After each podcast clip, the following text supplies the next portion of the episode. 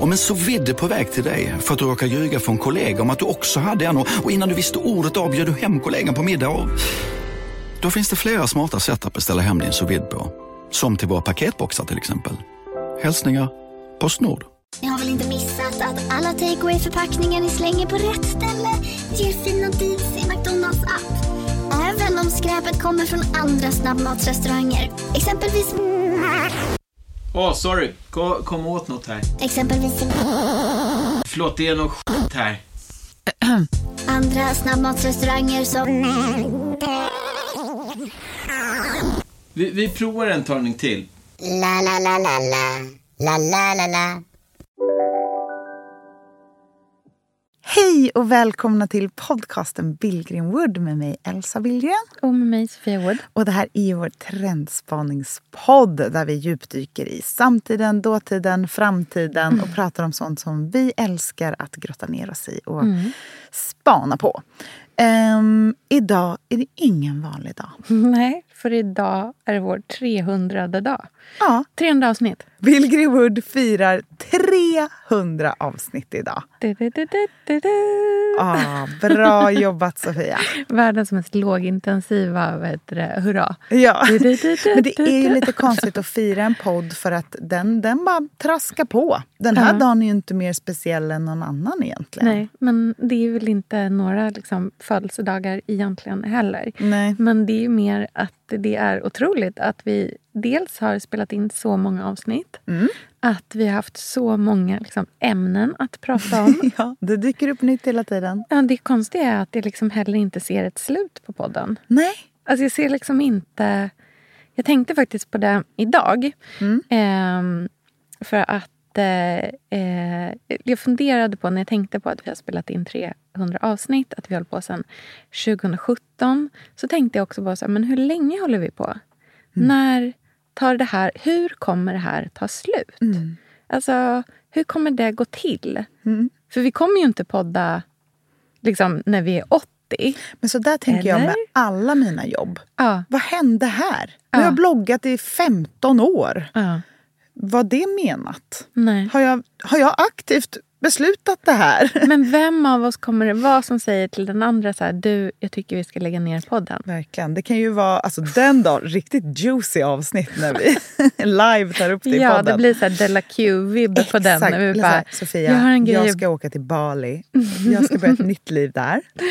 Men grejen är att du och jag är så lösningsorienterade också. Så att även om det skulle vara så här, ja men eh, vi, vi har ju varit med om att en av oss har flyttat liksom, Mm. till en annan stad. Det, vi det löser ju alltid allting hela tiden. Men jag tror att det Alltså- här är, för mig, varför det här är svårt att se ett slut på Billion Wood-podden är ju också på grund av hur den kom till. Ja. Att jag hade ett kliande behov av att analysera saker i samtiden. Mm. Och de första avsnitten handlade ju bara om så här små konkreta grejer. Mm. Som så här fredagsbuketten. Buketten, första avsnittet. Ja. Mm. Och jag kommer ihåg att vi, när vi bestämde att vi skulle börja podda så skrev vi ner några ämnen. Då var det så här, William Morris-tapeten, Mm. avokadomackan. Jajamän. Alla de här grejerna som vi då, för fem år sedan, såg eh, hypades på sociala Ja, medier. Och vi precis. bara, vad händer här? Varför äter alla helt plötsligt avocadomade? Och idag så ser analyserna lite annorlunda ut kanske. Mm, verkligen. Och vi är mycket mer personliga i podden. Mm. Eh, jag lyssnade faktiskt på vårt första avsnitt igår. Gjorde du? Ja, Men gud, hur var det? Nej, men dels pratar vi väldigt snabbt. Ja, det gör vi. Välkomna till första avsnittet av Billgren Wood! Och det är jag som är Billgren. Och det är jag som är Wood. Härligt att få vara liksom sitt efternamn så här. Jag, jag heter ju Elsa i förnamn. Mm, och jag heter Sofia. Och ni kanske känner igen oss från eh, bloggar, sociala medier, dig från Instagram. Exakt. Ehm, jag jobbar ju bland annat med vintagebröllopsklänningar. Mm. Och jag jobbar på ett auktionshus som heter Bukowskis och eh, ser trender och eh, spännande objekt som kommer ut på marknaden hela tiden. Du ligger ju steget före. Och det är Ja, därför tack. jag älskar dig så mycket och allt du gör. Och det är ju det den här podden ska handla om. Exakt. Trender, varför vi älskar vissa saker så himla mycket. Likar bilder på och perfekt skivade avokadomackor och alla tapetserar med William Morris i en vecka. Och varför är det så? Precis. Vad är nästa grej? Mm. Varför gillar vi det här just nu? Och vad kom det ifrån från början? Jag säger liksom. Var Just fjärde det. sekund. Jag kommer ihåg att du fick mycket skit Jag fick för det. så mycket skit Men för det. gud, det var så taskigt. Du var helt grön. Jag Jag har aldrig, aldrig- suttit i en podd, eller som att jag hade suttit i en poddstudio, men jag hade i alla fall gjort tv. Ja. Men jag tror att vi pratar för fort, för jag tänkte så här, Filip och Fredrik, de Ja. kan podda. Ja, nu, nu precis. köttar måste vi. hetsa igång. Kom igen, det måste vara Ja, energi. ja, ja vi. Woho! Yeah! Och vet du vad det roliga också? Att vi pratar om att vi ska ringa in experter. Mm. Och att de experterna som vi ger exempel på det är antingen typ specialister på mitt jobb då på Bukowskis eller Andrea, din syrra, Mm. Ja. som vi aldrig har ringt. Stackars Andrea. Fast hon, hon är nog väldigt glad att slippa på ett sätt. Men hon är definitivt en expert på mycket. Ja. Men vi har ju haft allt från... Alltså vi har ju haft gäster i studion. Vi har provat det här med att ringa. Det visade sig vara väldigt svårt ljudmässigt att ringa in någon. Det blev liksom ganska konstigt och jobbigt ofta. Eh, och vi har liksom haft allt från så här, vissa avsnitt som har varit lite, lite som att komma på en, liksom en eh. Jaha. Hej, välkommen. Idag ska vi prata om eh, SO'n idag ska vi prata om Ja. det här. Och sen så har vi haft liksom gråtande eh, personliga avsnitt. Vi hade också väldigt många avsnitt med Selma som Ja, snarkade som och så ammade så himla genom hela... Mm. ammades och sen det, eh, snarkade sig i, genom avsnitten när jag egentligen skulle vara liksom föräldraledig. Men idag så tycker jag det skulle kännas svårt att prata om en eh, trendig rätt i en timme. Ja, så som verkligen. avokadomackan var.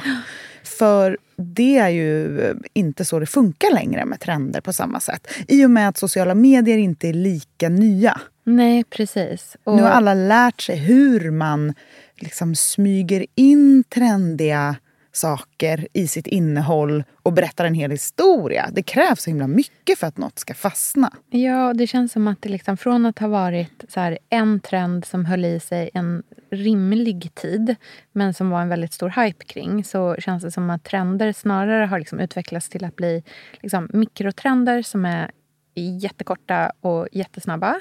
Eh, som också liksom existerar parallellt med många andra mikrotrender. Det känns väldigt så här TikTokifierat. Mm, liksom. så här, korta, kort och mycket. Eh, många olika saker samtidigt. Eh, många som deltar i en trend. Eh, men dels finns det den liksom, eh, skolan. Men så finns det också en helt annan typ av skola som egentligen tror jag grundar sig i typ en aversion mot trender. Att man egentligen inte vill vara en del av en trend. Eh, och det har vi pratat om i flera år, att det trendigaste som finns är att inte vara trendig. Eh, och det är ju fortfarande väldigt, väldigt sant. Gud ja. Och den typen av trend som handlar snarare om kanske så långsiktighet, stil snarare än trend. Alltså du vet alla sådana saker. Det är ju ingenting, det går ju emot naturen av den, den typen. Tanken på att det då också bara skulle försvinna snabbt. Utan det är ju ett längre commitment. Det är ju en livsstil kanske snarare trend. Det är roligt att du nämner lifestyle, för det tänkte jag prata lite om. För det var, när vi började podda så handlade ju allting om lifestyle hela tiden.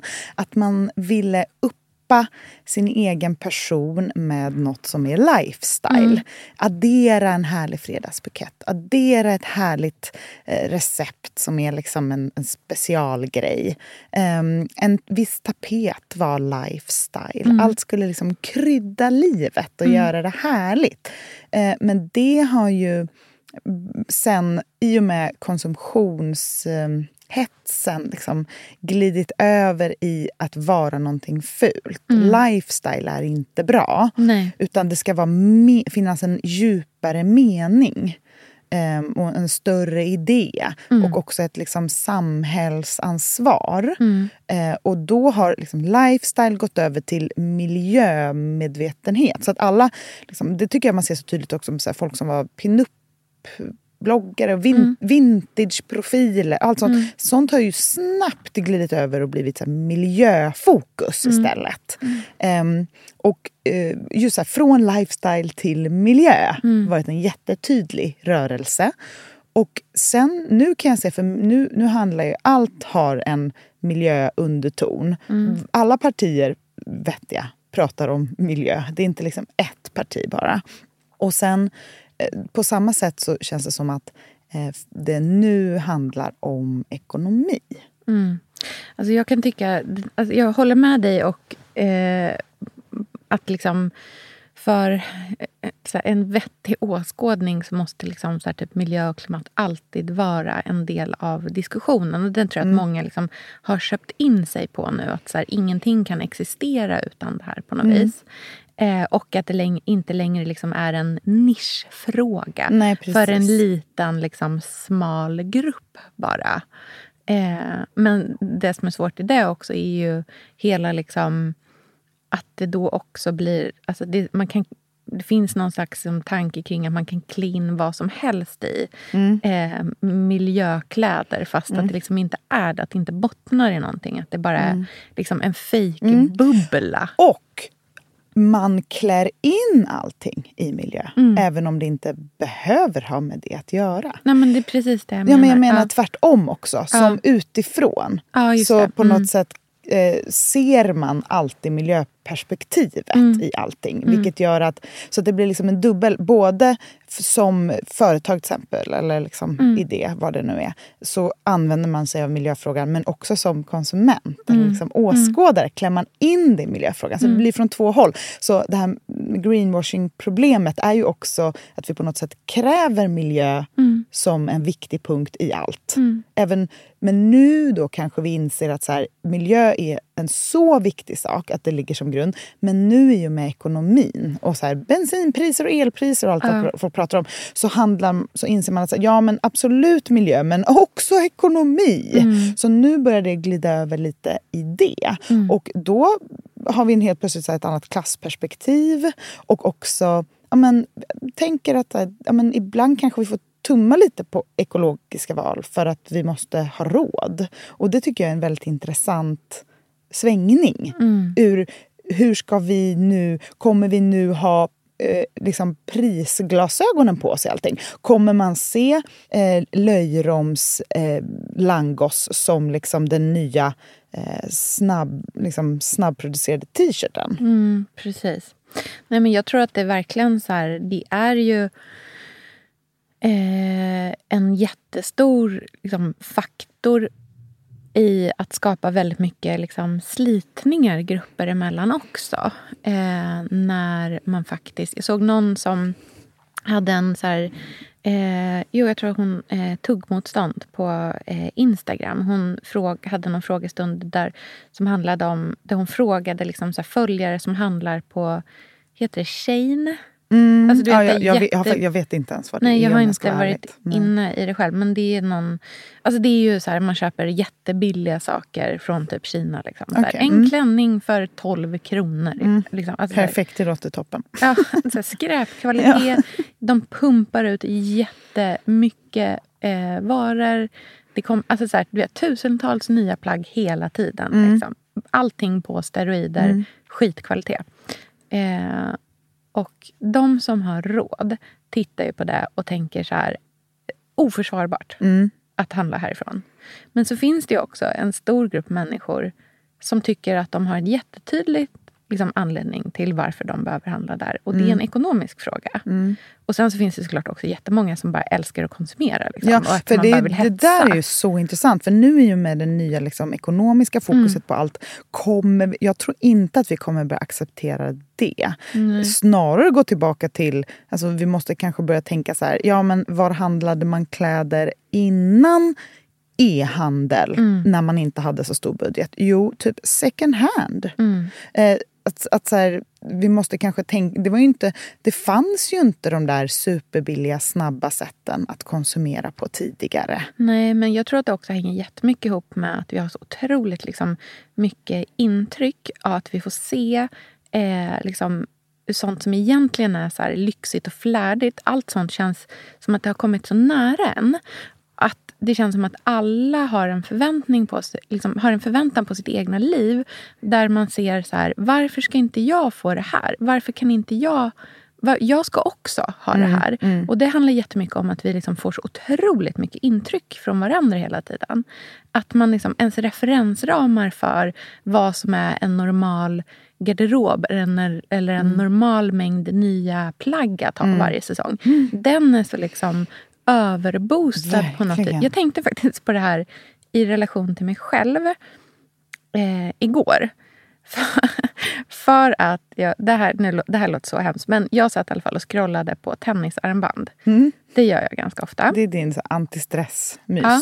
Mm. Eh, alltså ett diamantarmband. Mm, ja. Jag eh, tror alla lyssnare här vet by now vad du är ute och rafsar vad jag liksom efter. scrollar runt. Mm. Ja, i alla fall. Och liksom, du vet, så här, jag, jag, vet inte vad jag, jag letar alltid efter ett klipp. Liksom. Att det på något vis ska dyka upp på en second hand-sajt. Liksom, stora stenar till ett litet pris. Och så tänkte jag, men då liksom så här, bara, såg jag mig själv utifrån och bara, men är det ens rimligt att jag ska ha ett tennisarmband? Mm. Alltså varför håller jag på och lägger tid på att scrolla efter det här? Varför har jag en bild av att jag är en person som borde kunna ha ett tennisarmband. Jag kommer mm. inte från tennisarmband. Nej. Alltså det är inte... Nej, det är så jag, grund, det här. jag grundas mm. inte i det. Jag, jag har liksom ingen också? bakgrund i det. Vet du vad jag tänker på? Vi har blivit så förvirrade över vad som är så stat... Grejen är att rik, rikemansgrejer mm. har ju närmat sig det naturliga så himla det är mycket. Jag menar. Det är inte längre de, liksom ett rikt hem ser ju väldigt så naturligt avslappnat mm. ut idag. Med mycket liksom naturmaterial. Och vi vet också exakt hur det ser ut. För vi ja. får släppas in i de rummen. Och det är hög status att så här, vara ute i naturen. Mm. och liksom gå på självplock och handla härliga liksom, ekologiska råvaror. Allt mm. det där är hög status, så därför är det också till för folk med liksom god ekonomi. Och då blir det så förvirrande. Så här, men vänta nu. Kan all, varför gör vi... Alltså så här, de, de liksom, olika budgetar gör samma saker. Mm. Och hur ska man då veta vad... Ja, då blir det där tennisarmbandet så här, jaha. Varför kan inte jag ha det också? För jag kan ju uppenbarligen, liksom, så här, mina rika kompisar, jag kan handla i samma mataffär som dem. Mm. För jag har så pass god ekonomi. Men jag har inte så pass god ekonomi Nej. att jag kan ha deras smyckeslåda.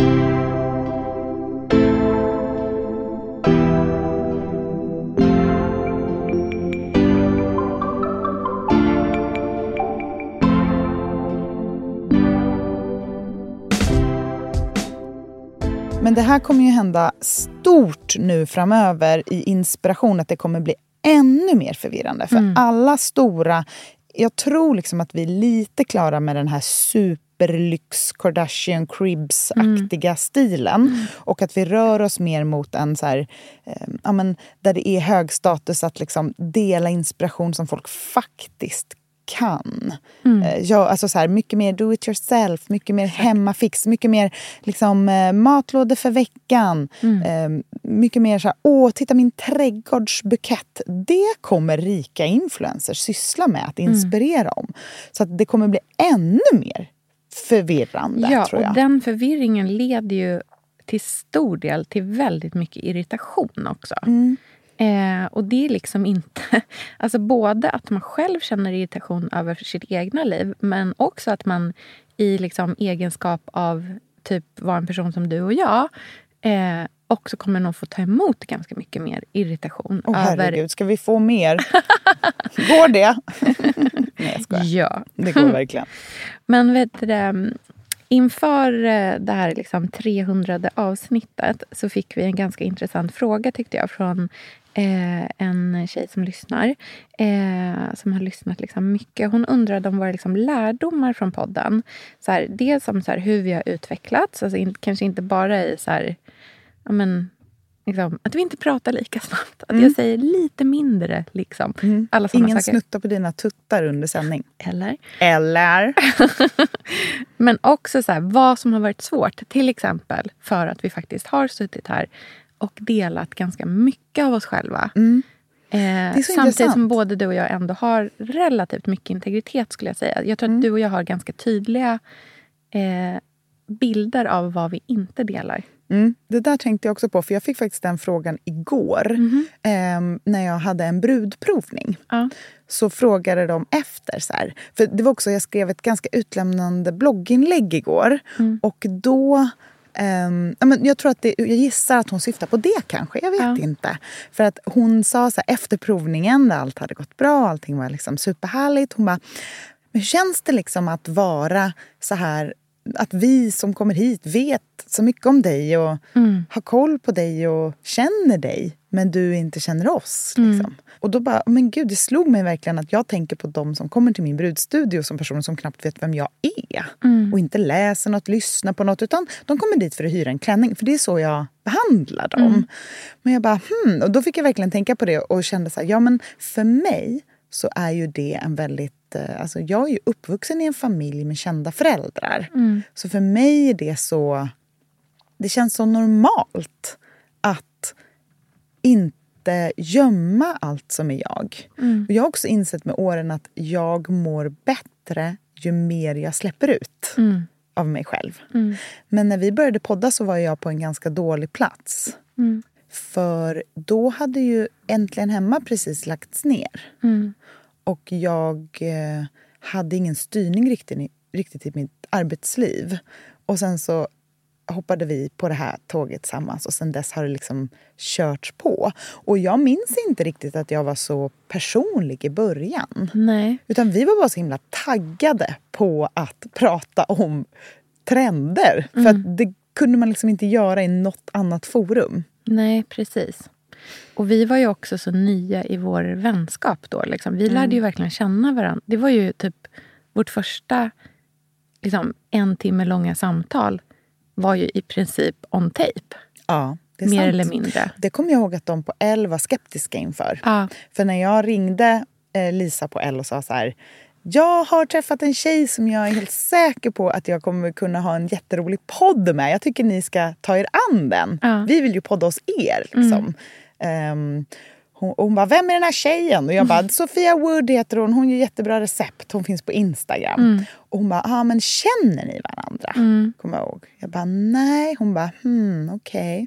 Jag bara, men... Och sen så kände jag ändå att, mm, att det var fint. Att få lära känna varandra eh, löpande. Liksom, som en del av, för nu är ju vi Nu känner vi varandra nu väldigt väl. mycket bra. och det är ju faktiskt ett väldigt om fint sätt. snuttande. Nej. Ja, verkligen. Vem snuttar vem i den här studien? Men jag tror också att jag har insett att jag kan inte podda i riktig ångest. Nej. Jag kan inte. Nej. Jag vet inte varför. Jag kan blogga i riktig ångest. Men jag kan inte podda. För jag har liksom... Jag har tyckt att det har varit ganska svårt att prata om min sjukdom i podden och sånt där. För att jag inte är så bra på att fejka. Vet, jag kan liksom inte låtsas att jag är så här happy-clappy. Nej. Och eh, ibland om jag har mått dåligt, då har ju vi fått ställa in. För att jag liksom kan inte prata normalt om jag är ledsen. Mm. Då vill jag ju bara sitta här och gråta timme. Det kanske man skulle gjort, jag vet inte. Men Nej. det är bättre att, att spara det till lite mer peppiga sammanhang. Ja, men jag tror också så här... Alltså jag kan tycka...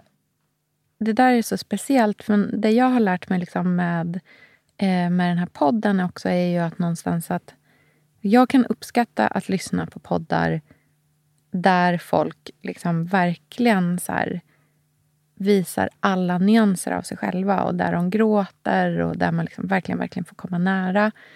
Men jag känner precis som du att jag har svårt att själv skapa den podden. För att jag inte känner mig liksom... Jag är rädd att jag skulle bli för ledsen om det togs emot på ett sätt som inte kändes respektfullt mot mig. Eller om jag fick tillbaka det någon gång på ett, o, på ett sätt som jag inte var förberedd på. Så därför känner jag att jag har väldigt liksom, tydliga gränser för vad jag kan prata om i podden och vad jag inte kan göra. Mm. Liksom.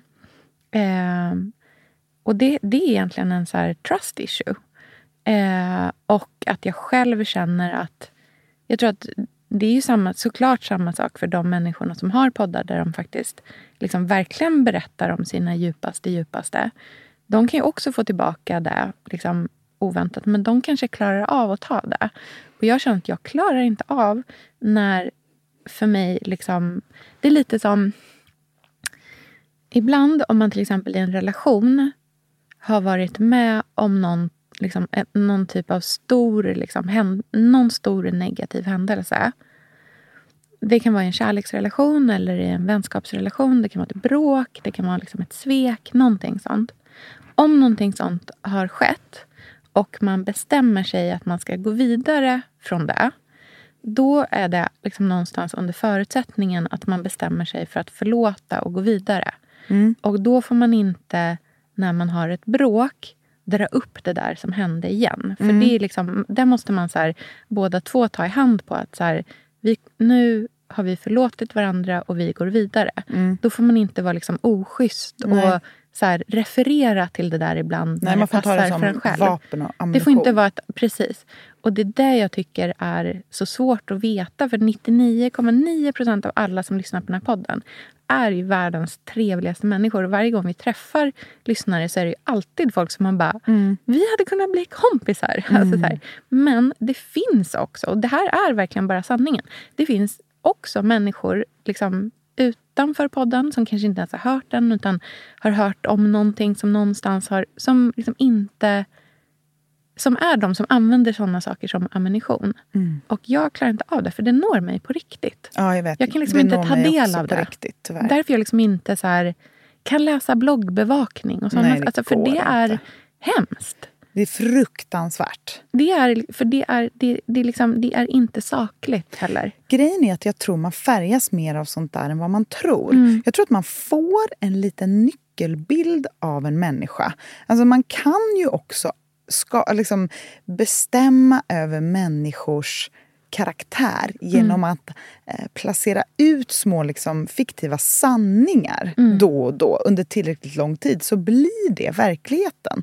Och då är det så himla viktigt tycker jag att läsa ursprungsplatser. Eller Ja, lyssna källkritiken i ja, princip. För att så här, vem, den här personen eller den här berättelsen. Det finns så många lager Mm. av vad, vad den här människan är och vad liksom, hon berättar med sitt liv.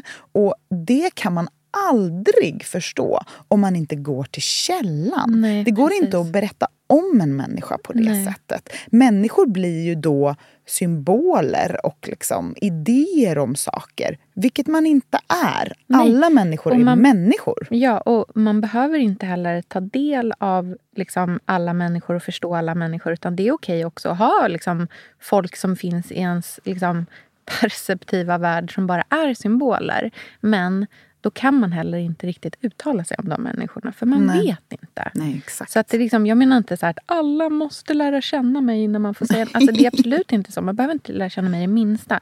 Men jag vill inte liksom ta del av att folk kan... Eh, liksom, ja, det, det, det är komplicerat.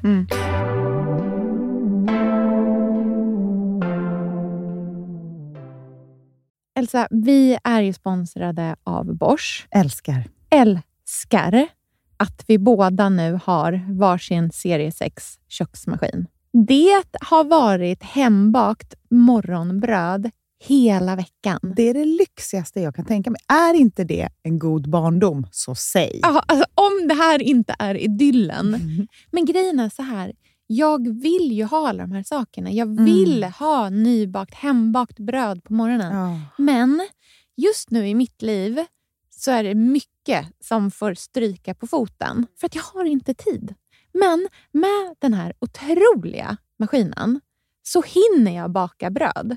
Den sköter liksom allting själv. Jag behöver inte ens knåda. Jag sätter på den och den gör knåderörelserna åt mig. Alltså, serie 6 har ju sju stycken sensordrivna automatiska program. Ja, När jag hör den hör meningen, ja, Ja. då känner jag så här, jag kan inte misslyckas. Nej! Den, alltså, degen blir perfekt. Mm. Det är som att jag har lagt ner jättemycket tid och energi på det här brödet, när det jag har gjort är att hälla saker i en skål och trycka på en knapp. Underbart. Mm. Nej, men man bakar ju som ett proffs och jag tycker om att baka enkla grejer och de Ja. blir ännu enklare med Bosch serie 6. Alltså, jag har ju haft Bosch i mitt liv ganska länge Mm. och speciellt på landet. Så för mig är det förknippat med att det blir gott, det är mysigt Mm. och det är tryggt för det blir riktigt bra varje gång. Man väger ju också sakerna direkt i skålen, så det blir Mm. inte tusen olika saker som måste diskas och som är krångligt. Det är verkligen sänka ribban. Men Bosch har ju tänkt ut vad vi skulle kunna misslyckas Ja. med och eliminerat de faktorerna så att det blir bra varje gång. Och Man kan ju också prova hemma i 100 dagar Mm, med fri returrätt. Och Ja. Så att Bosch vill ju verkligen att vi ska vara nöjda med produkten. Det är väldigt bra att man kan få testa på hemma Ja, man kan vara verkligen. extra säker på att det funkar. Mm. In och läs mer om Bosch köksmaskin serie 6 och köp den hos Power. Mm, tack Bosch. Tack! Sofia, vi har ju den stora äran Mm. att jobba tillsammans med Krav. Mm. Det är Det- så fantastiskt att de sponsrar den här podden tycker jag. Mm, det, jag är så stolt över det. Jag är också väldigt, väldigt stolt. Mm. Kravmärkt mat, det är ju mat som produceras utan naturfrämmande bekämpningsmedel och som Mm. bidrar till en biologisk mångfald. Och jag väljer ju Krav när jag handlar för att jag vet att det blir bra i varje led. Ja. Från jord Mm. till bord. Mm. Det blir godare och det blir bättre för alla inblandade. Ja. Nu är det ju tiden för vårprimörerna. Mm. Nu börjar de allra första komma. Mm. Och när man köper kravmärkta vårprimörer, Mm. då är det som att man får smaka på våren så som den ska smaka på riktigt. Ah. Den första kravmärkta svenska sparrisen, Ah. det är en högtidsstund. Det är det. Och sparris som är kravmärkt, man ser det på primören. Den är grönare, den är knotigare, den har karaktär. Mm. Den är så god att Mm. äta rå. Mm. Det behövs inte mycket mer än Nej. lite smör och flingsalt. Och så har man en förrätt. Vet du vad jag gjorde faktiskt på kravmärkt svensk sparris? Eh, blancherade i kanske 30 sekunder. Mm. La sen rakt ner i ett isbad. Mm. Skivade jätte, jättetunna skivor. På med kravmärkt olivolja, Mm. flingsalt och ett kravmärkt pocherat ägg. Och tänkte verkligen, Ja, allting på den här tallriken mm. är kravmärkt. Allting smakar otroligt. Så Man- himla gott. Verkligen. Mm. Det finns så himla mycket gott som jag är sugen på. Och jag tänker verkligen att vi alla ska ställa krav i korgen jag när vi att det var handlar. så bra Mm. eh, sägning. För det är precis så som man ska tänka. Ställ krav i korgen. Tack snälla krav. Tack Krav. Sofia, den här veckan har vi ett jättefint och viktigt samarbete med Plan International. Mm. En av världens största och äldsta barnrättsorganisationer med verksamheter i över 80 länder.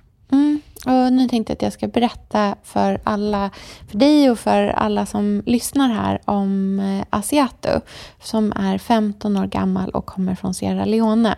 Den här berättelsen visar också hur vi kan göra skillnad för flickor faktiskt. För trots sin unga ålder så har Asiato redan upplevt väldigt mycket smärta. Hon har blivit utsatt för våldtäkter under hela sin barndom. Och eh, hon berättar att hon inte vågade säga någonting om de här övergreppen till någon. Och att hon därför inte hade någon runt sig som märkte något förrän hon blev gravid.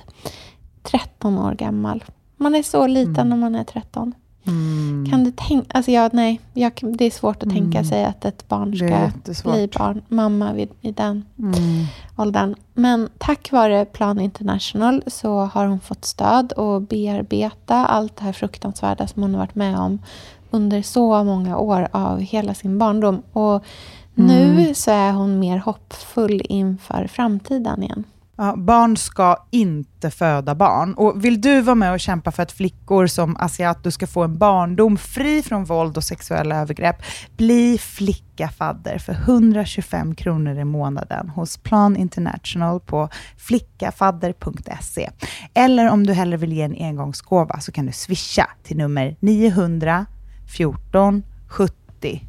Eh, alltså 900 900 14 70. Tack Plan International.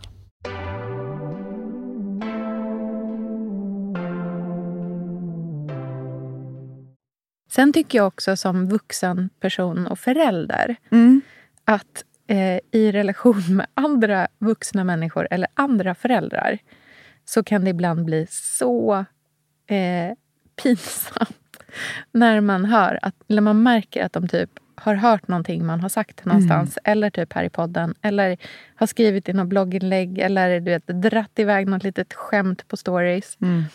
Och sen så bara, just det, det är de här vuxna människorna som tar del av vår Men det tror jag är bra. Det också. där tror jag man behöver öva på. Och vara lite mer sann till sig själv. Ja. Jag, jag myser så mycket av att tänka på att folk lyssnar på det här just nu.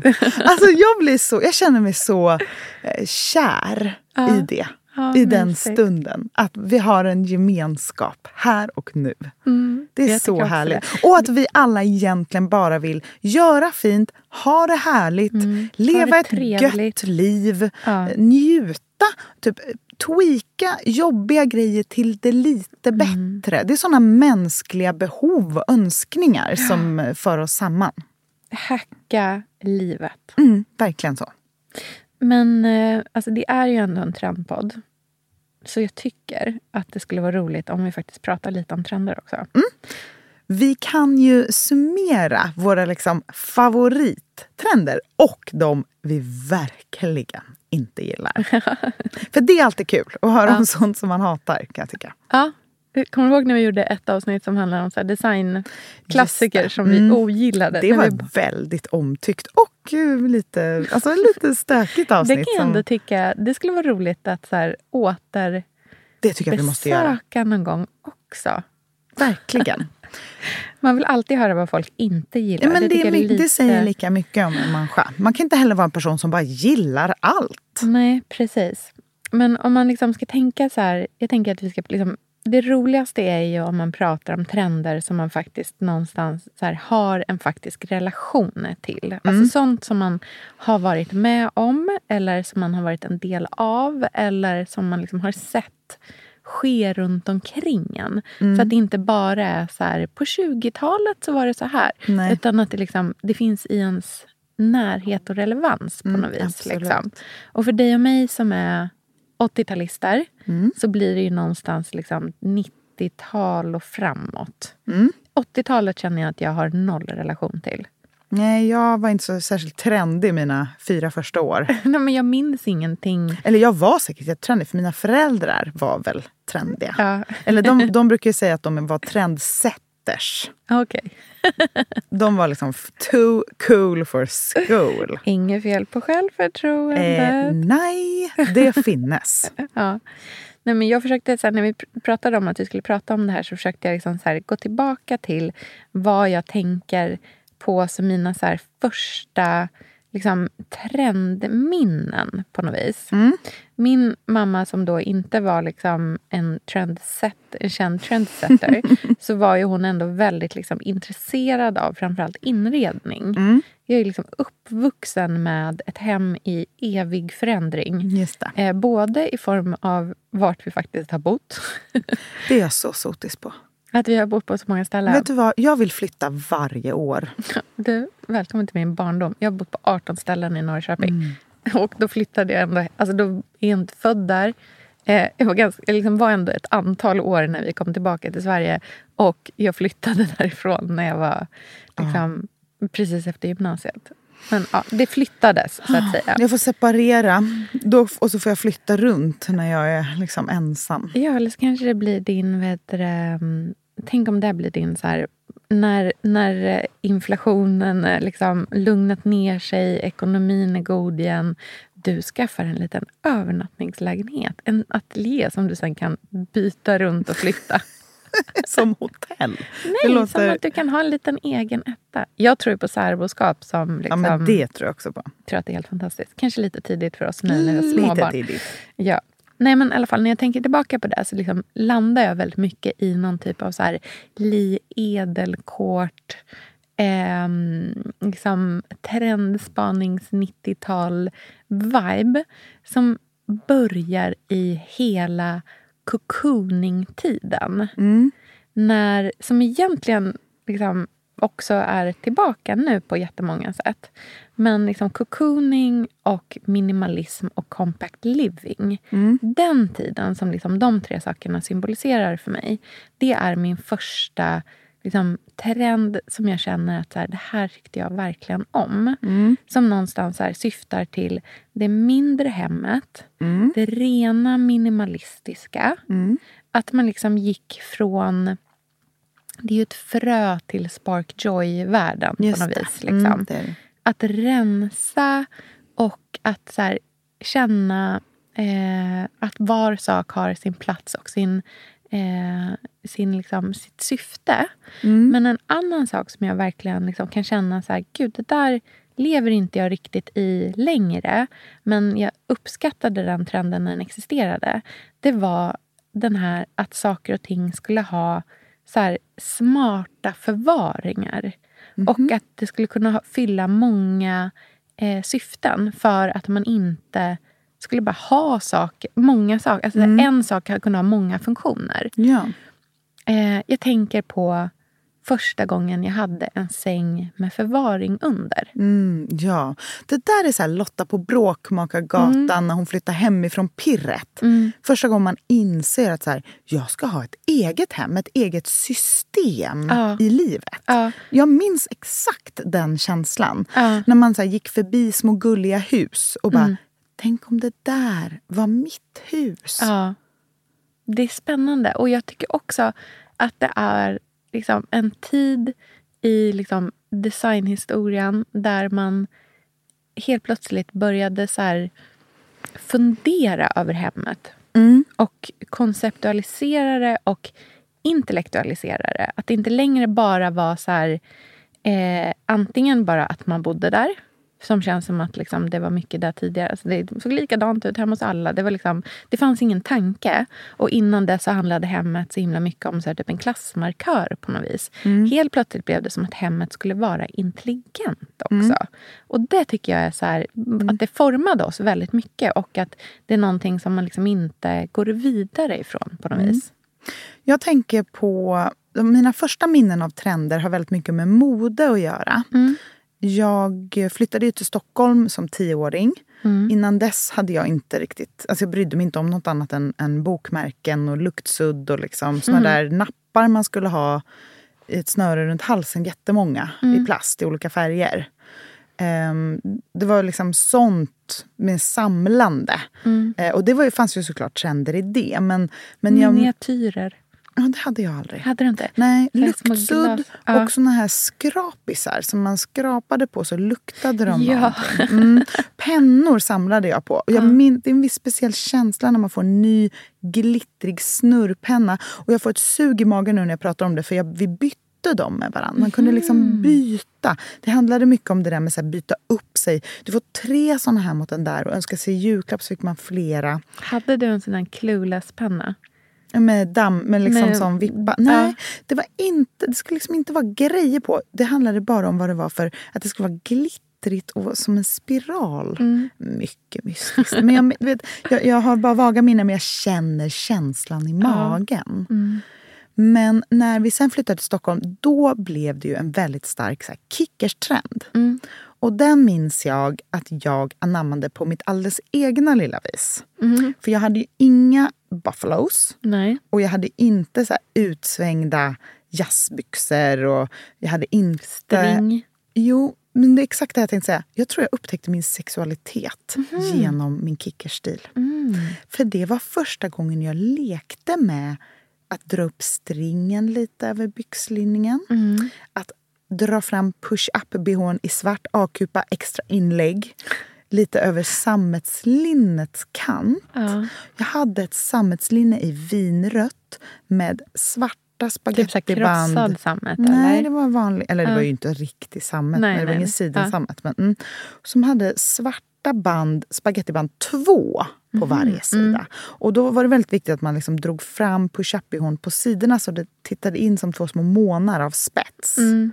Och jag minns liksom hur jag bara kände mig och min kropp upp i de här kläderna för första gången. För du upptäckte din sexualitet ganska tidigt, eller hur? Alltså jag fick ju mens när jag var tio utvecklad. år. Så det var väl i den vevan som puberteten började komma. Mm. Och jag hade ju inget särskilt intresse. Alltså killar, fine. Men de är så jobbiga att styra. Mm. De var jätte... Inte så... Alltså så här, de gör inte vad man vill. Det var mycket lättare att liksom vara i sig själv på Mm. något sätt. Och jag tror att det är ganska sunt att man liksom börjar i sin egen Verkligen. existens. Jag innan tror man... att många sexualitet börjar ju verkligen inte i relation till andra utan Nej. att det är liksom ett väldigt mycket ett fokus på den egna kroppen. Liksom. Allt från att så här, liksom, typ experimentera med kläder men också så här, onanera. Alltså, du vet, alla Mm. sådana saker är ju liksom väldigt det är självcentrerat. Liksom, Absolut. många För sätt. mig handlar det ju jättemycket om de fysiska uttrycken. Ja. Och det ehm, tyckte jag var väldigt spännande, Mm. minns jag. Att jag liksom kunde bygga en karaktär och också då applicera det lite på min personlighet Mm. och locka fram de sidorna. Så det minns jag verkligen som en trend som jag... Ja, men den, den påverkade mig mycket. Och sen nästa gång det hände något modemässigt som liksom wowade mig. Det var ju när det här romantiska kom in i mitt liv med vintagen. Och det var ju en tydlig våg av det där liksom 2005 någon gång när ja, men, hela så här, um, Amelie från Montmartre, allt sånt där började bubbla, cupcakes. ehm, lite mer liksom retrovibbar började titta in. Efter att eh, em, Paris Hilton och Britney Spears, att det hade börjat lägga sig lite så började liksom titta fram lite andra mer indie-alternativa sätt att eh, leka med stil och kläder. Och då började jag jobba med vintage och det var ju verkligen en sån så här boom! Vint, ordet vintage, supertrendigt 2007. Eh, och som en stor sån, liksom verkligen en, en uppenbarelse. Och i, och i och med det så kom också liksom inredningsbiten med så här industriinredning och sånt. Det tyckte jag var så spännande. Hur känner du idag? när... För Jag såg eh, att du la upp någon bild när du provade någon så gammal vintageklänning. Jag tror att det var den där blåa med vit liksom, spets. Hur känner du idag när du sätter på dig de kläderna? Tycker du om dem fortfarande eller känns de liksom jätteaparta? Ja, det känns jätteapart. Jag känner att jag klär ut mig i dem idag. Just den där klänningen, jag hittade ju massa lådor på vinden med klänningar från i och för sig mycket senare. Det där är ju mer så här 2013, 2014. Men ändå så tio år sedan ungefär. Och de var ju, det var ju kläder som jag köpte på Beyond Retro när jag jobbade där. Mycket, eller det här var ju precis efter, men som jag hade med mig därifrån. Och det var ju egentligen inga vintagekläder. Det var typ Lindy Hop Lindy Hop-klänningar. Man skulle ha stora tyllkjolar under egentligen och så har man dem på dans. För att Beyond Retros kläder är ju från USA och Kanada så de är ju det är liksom en amerikansk eh, kultur som finns nu i stora delar av USA. Att man liksom går på dans i de här kläderna. Och då ska de, för att hela den där danskulturen är ju egentligen baserad på någon så här kandrilj 1700-tals urdans. Just det, men så här amerikaniserat. Så att det Ja. är på liksom... på ett countryvis. Så tänk dig liksom Marie Antoinette goes country. Det är stilen på de här klänningarna som jag tyckte väldigt mycket om då för att jag experimenterade med mitt uttryck. Men nu så känner jag att de dränker mig i uttryck. Liksom den jag är. Så, Det ja. där är spännande. När jag jobbade på Filippa K så pratade vi mycket om eh, att, eh, som, att känna att man bar kläderna eller att kläderna bar en själv. Mm. Eh, och Det är två helt liksom, så här, olika ingångar i stil på något vis. Liksom. Och Det ena behöver inte vara mer korrekt. Alltså det kan finnas ett syfte med att känna att kläder bär en också. Eh, för att man kanske kan känna just att man får experimentera med saker och ting. Liksom. Och att det finns en lekfullhet i det. Men du har ju verkligen gått från Gud, ja. kläder som har varit att du har burit upp kläderna till att kläderna lyfter fram dig snarare. Ja. Idag. Men vet, några snabba små som jag verkligen Mm. så här minns att jag bara wow, wow, wow. Jag kommer ihåg när Puffärm kom. Oh my god. Mm. Ja. Livet öppnar upp sig. Um, artilleriets studio, alltså artilleriet-stilen. Ja, jag har den också. På Älskar. Frukost. När Mm. frukost blev en grej kände jag så här, äntligen mat i min smak. Kall och söt. Och sen stökiga buketter, kommer jag också ihåg en sån här Ja. wow-grej. När det liksom blev bohemiska buketter. Mm. Och saker i linnetextil Mm. kände jag också var en så här banbrytande trend Ja. som jag verkligen älskade. Eh, Jag vill liksom sätta artilleriet-stilen i en lite annan kontext också. Mm. Eh, och det är kinfolk-stilen. Mm. Alltså Den kin- tycker jag är jättesvår att förstå. Där är jag inte tillräckligt cool. Men jag tänker att alltså det är ju väldigt mycket liksom... Det är ju... Kinfolk för mig är ju liksom så här Portland-trendigt. Ehm, och någon slags här, eh, amerikansk shaker, eh, nya gröna vågen-flört. Det handlar väldigt mycket om liksom rena material, eh, värme, hantverk, eh, enkelhet, eh, gedigenhet. Liksom, men på ett väldigt här, minimalistiskt avskalat sätt. Och den typen av estetik kom ju här, verkligen svepte genom trendiga människors hem. Liksom. Helt plötsligt var det liksom Kinfolk Home-boken låg liksom ordentligt bläddrad i mångas hem, i mångas vardagsrum och blev som nästan något slags facit för hur man skulle renovera och hur man skulle inreda.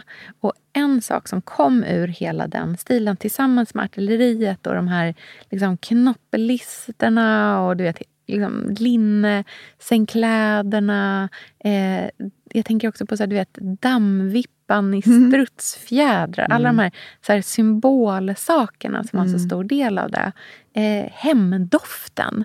Alltså att det doftade rök och trä och sandelträ. Och liksom det, det var inte längre Byredo bibliotek. Utan Nej. det var liksom djupa, mörka, Från marmor, mässing och liksom... Eh, till någonting Ja. helt annat. Liksom. Men en grej som kom ur allt det där, som kanske liksom börjar ytterligare lite, lite, lite, lite tidigare, men ungefär samtidigt, som jag kände så här, wow, det där var verkligen en trend som gjorde ett avtryck och som var bra. Det var den liksom, det jag läser som en så belgisk inspiration och en Amsterdam, belgisk och holländsk inspiration som var de svartmålade spröjsen. Alltså insidan av fönstren. Det finns ett hotell i Antwerpen, tror jag, eller i Belgien, eh, som heter Hotell Julien. Som var liksom... De hade... Eller det är liksom... Det är stora fönster eh, som är eh, där liksom eh, fönster... Eh, bläcken och karmarna och spröjsen, alla är målat i en så matt svart färg. Och det är varmt och det är liksom krämvita väggar, det är stora gröna växter. Det är liksom väldigt, väldigt fint. Men det vart verkligen en, liksom en egen stil. Och det här för mig blev väldigt stort ungefär samtidigt som jag då igen jobbade på Filippa K. Och eh, Filippa Knutsson eh, köpte en lägenhet på Wallingatan i Stockholm som hon renoverade. Eh, som hade alla de här detaljerna.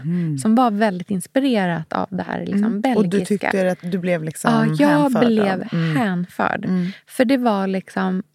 En, eh, vi får lägga upp lite bilder från Ja, den här våningen. såklart. Det är liksom krämiga väggar. Mm. Eh, ljusa plankgolv, så här Dinesen-plankgolv. Svartmålade snickerier och liksom paneler, eh, spröjs. Allting är svart mattmålat. Eh, det är exponerade bjälkar i taket. Liksom en väldigt modern eh, eldstad med staplad, staplad ved.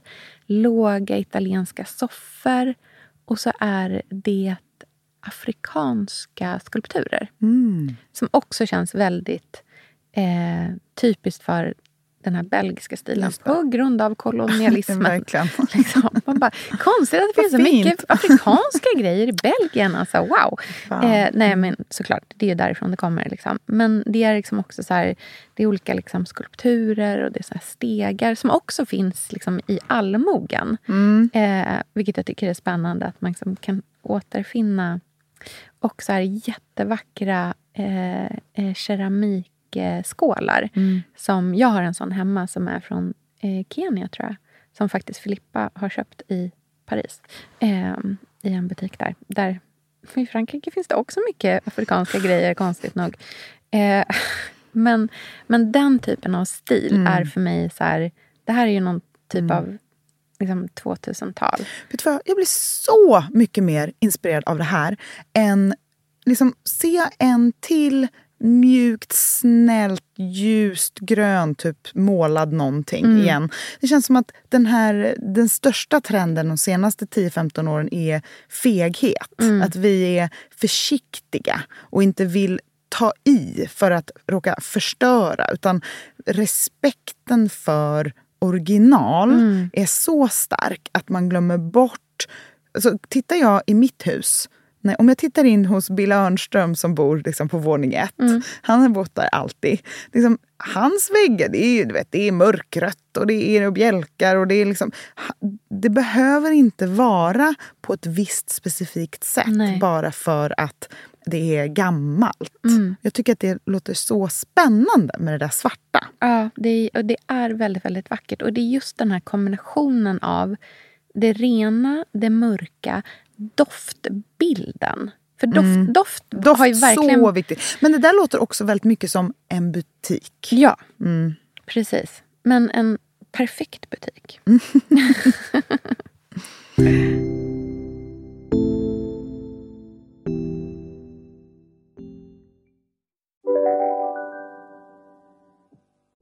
Lyssna på en ekonomistas podcast om du vill lära dig mer om pengar och hur pengar påverkar ditt mående.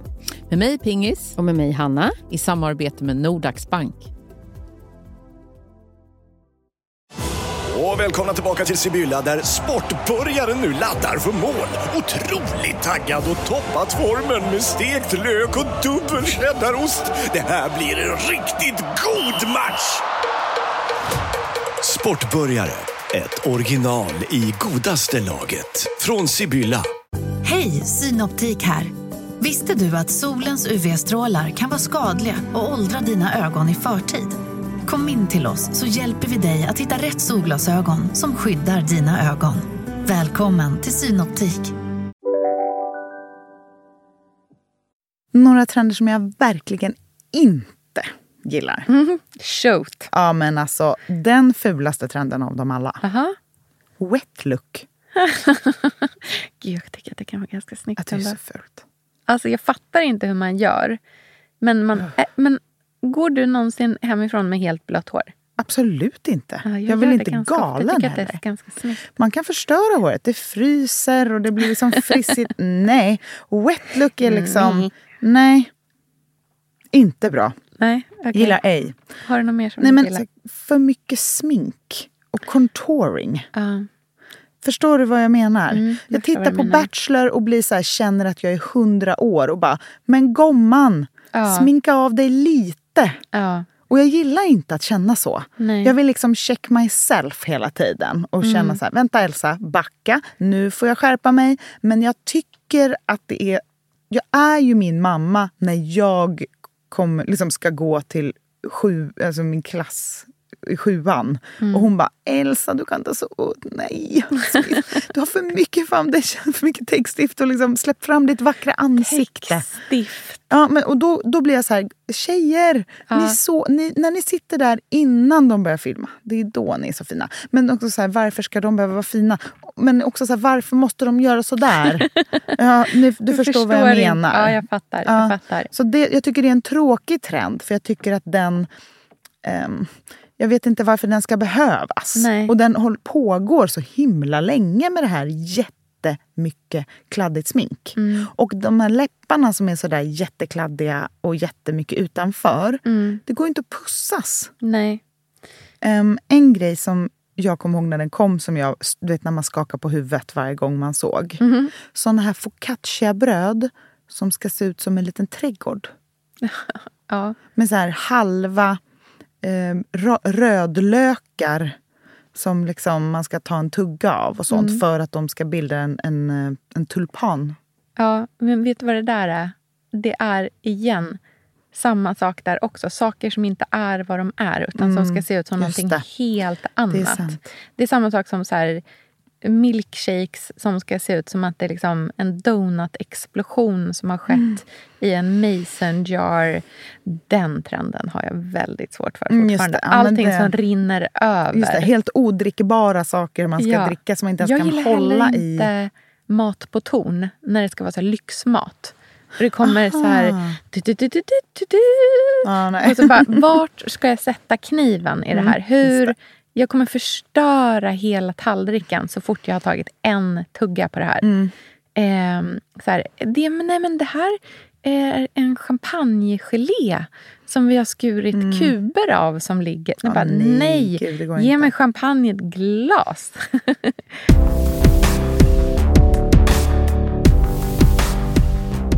Ska vi avsluta den här 300-podden Mm. med att lista lite trendspaningar som vi tror kommer framöver? Ja.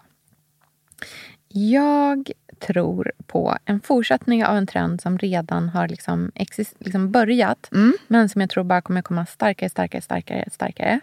Och det är känslofieringen av alla våra ägodelar. Alltså att allting har en känslomässig koppling till oss som vi kan motivera. Och kan vi inte göra det så vill vi inte ha den i våra liv. Och det tror jag är, kommer leda till en ny typ av liksom minimalism. Men också den, jag vill inte ens säga andra, utan typ den tredje second hand-revolutionen. Och bytesekonomin. Just det. Alltså jag tror på eh, att vi säljer våra saker till varandra också utanför, liksom, eh, utanför butiker. Mm. Men att vi också handlar saker. Och att proveniens kommer att bli viktigare och viktigare och Mm. Verkligen. viktigare. Istället för den där symbolpresenten från den där butiken som alla känner igen. Mm. En otroligt personlig gåva Mm. med någonting som man kan ha hemma och ha en berättelse Ja, kring. verkligen. Jag hade en lunch för ett tag sedan och då var eh, min kompis Ulle där och min kompis Beata. Och de hade med sig varsin present. Eh, Ulle hade med sig äpplen från sin trädgård som är av en sort som heter Himmelstalund som bara finns i Norrköping.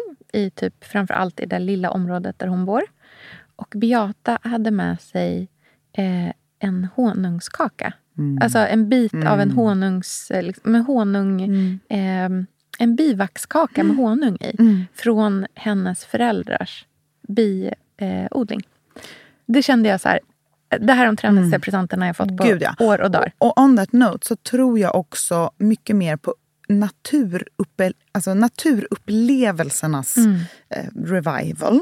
Eh, med så här, åka ut, ja, men som du gjorde för ett tag sedan, åka ut och, och liksom köpa pumpor. Sånt man gör utanför LA för att liksom rasta sig. Men också utanför eh, indust- liksom storindustrin. Mm, eh, precis.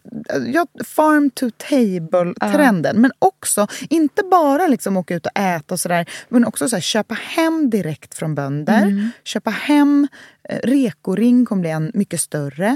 Men också liksom åka ut och göra spa och naturupplevelser som är mycket mer nära naturen. Eh, mer uppstyrda kallbadsessioner, mer eh, ja, men, spa som verkligen är ett med naturen, tror jag på. Jag tror att vi är på väg in i en, igen en stor terapitrend. Jag tror att det psykiska måendet kommer bli hög valuta.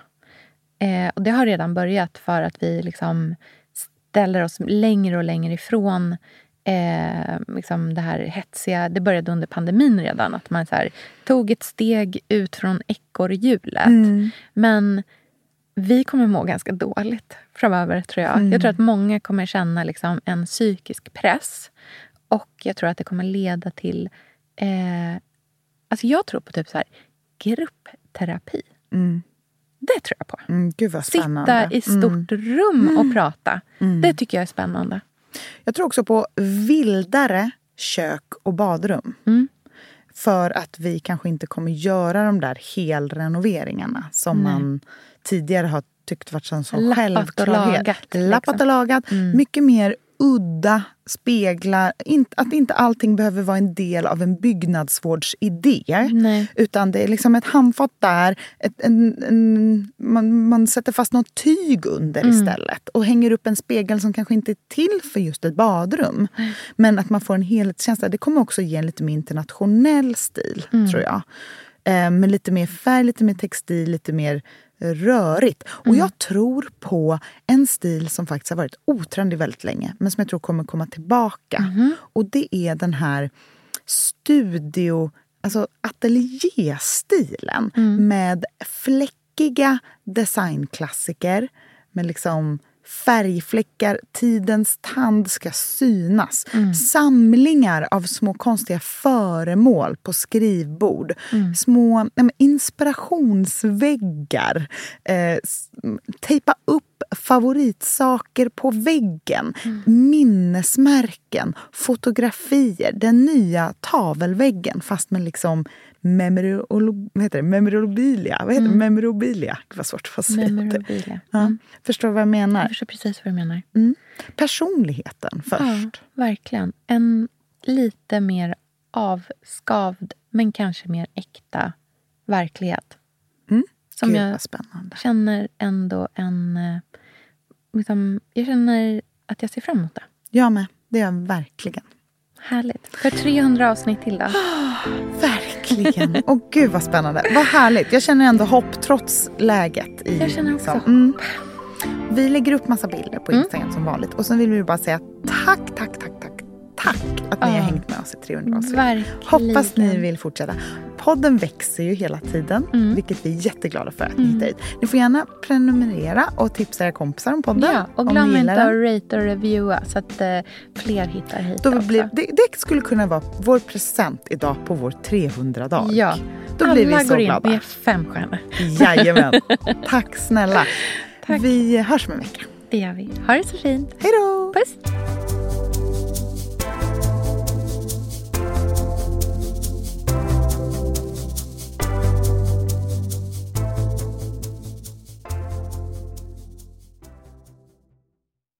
Här podcasten är producerad av Perfect Day Media.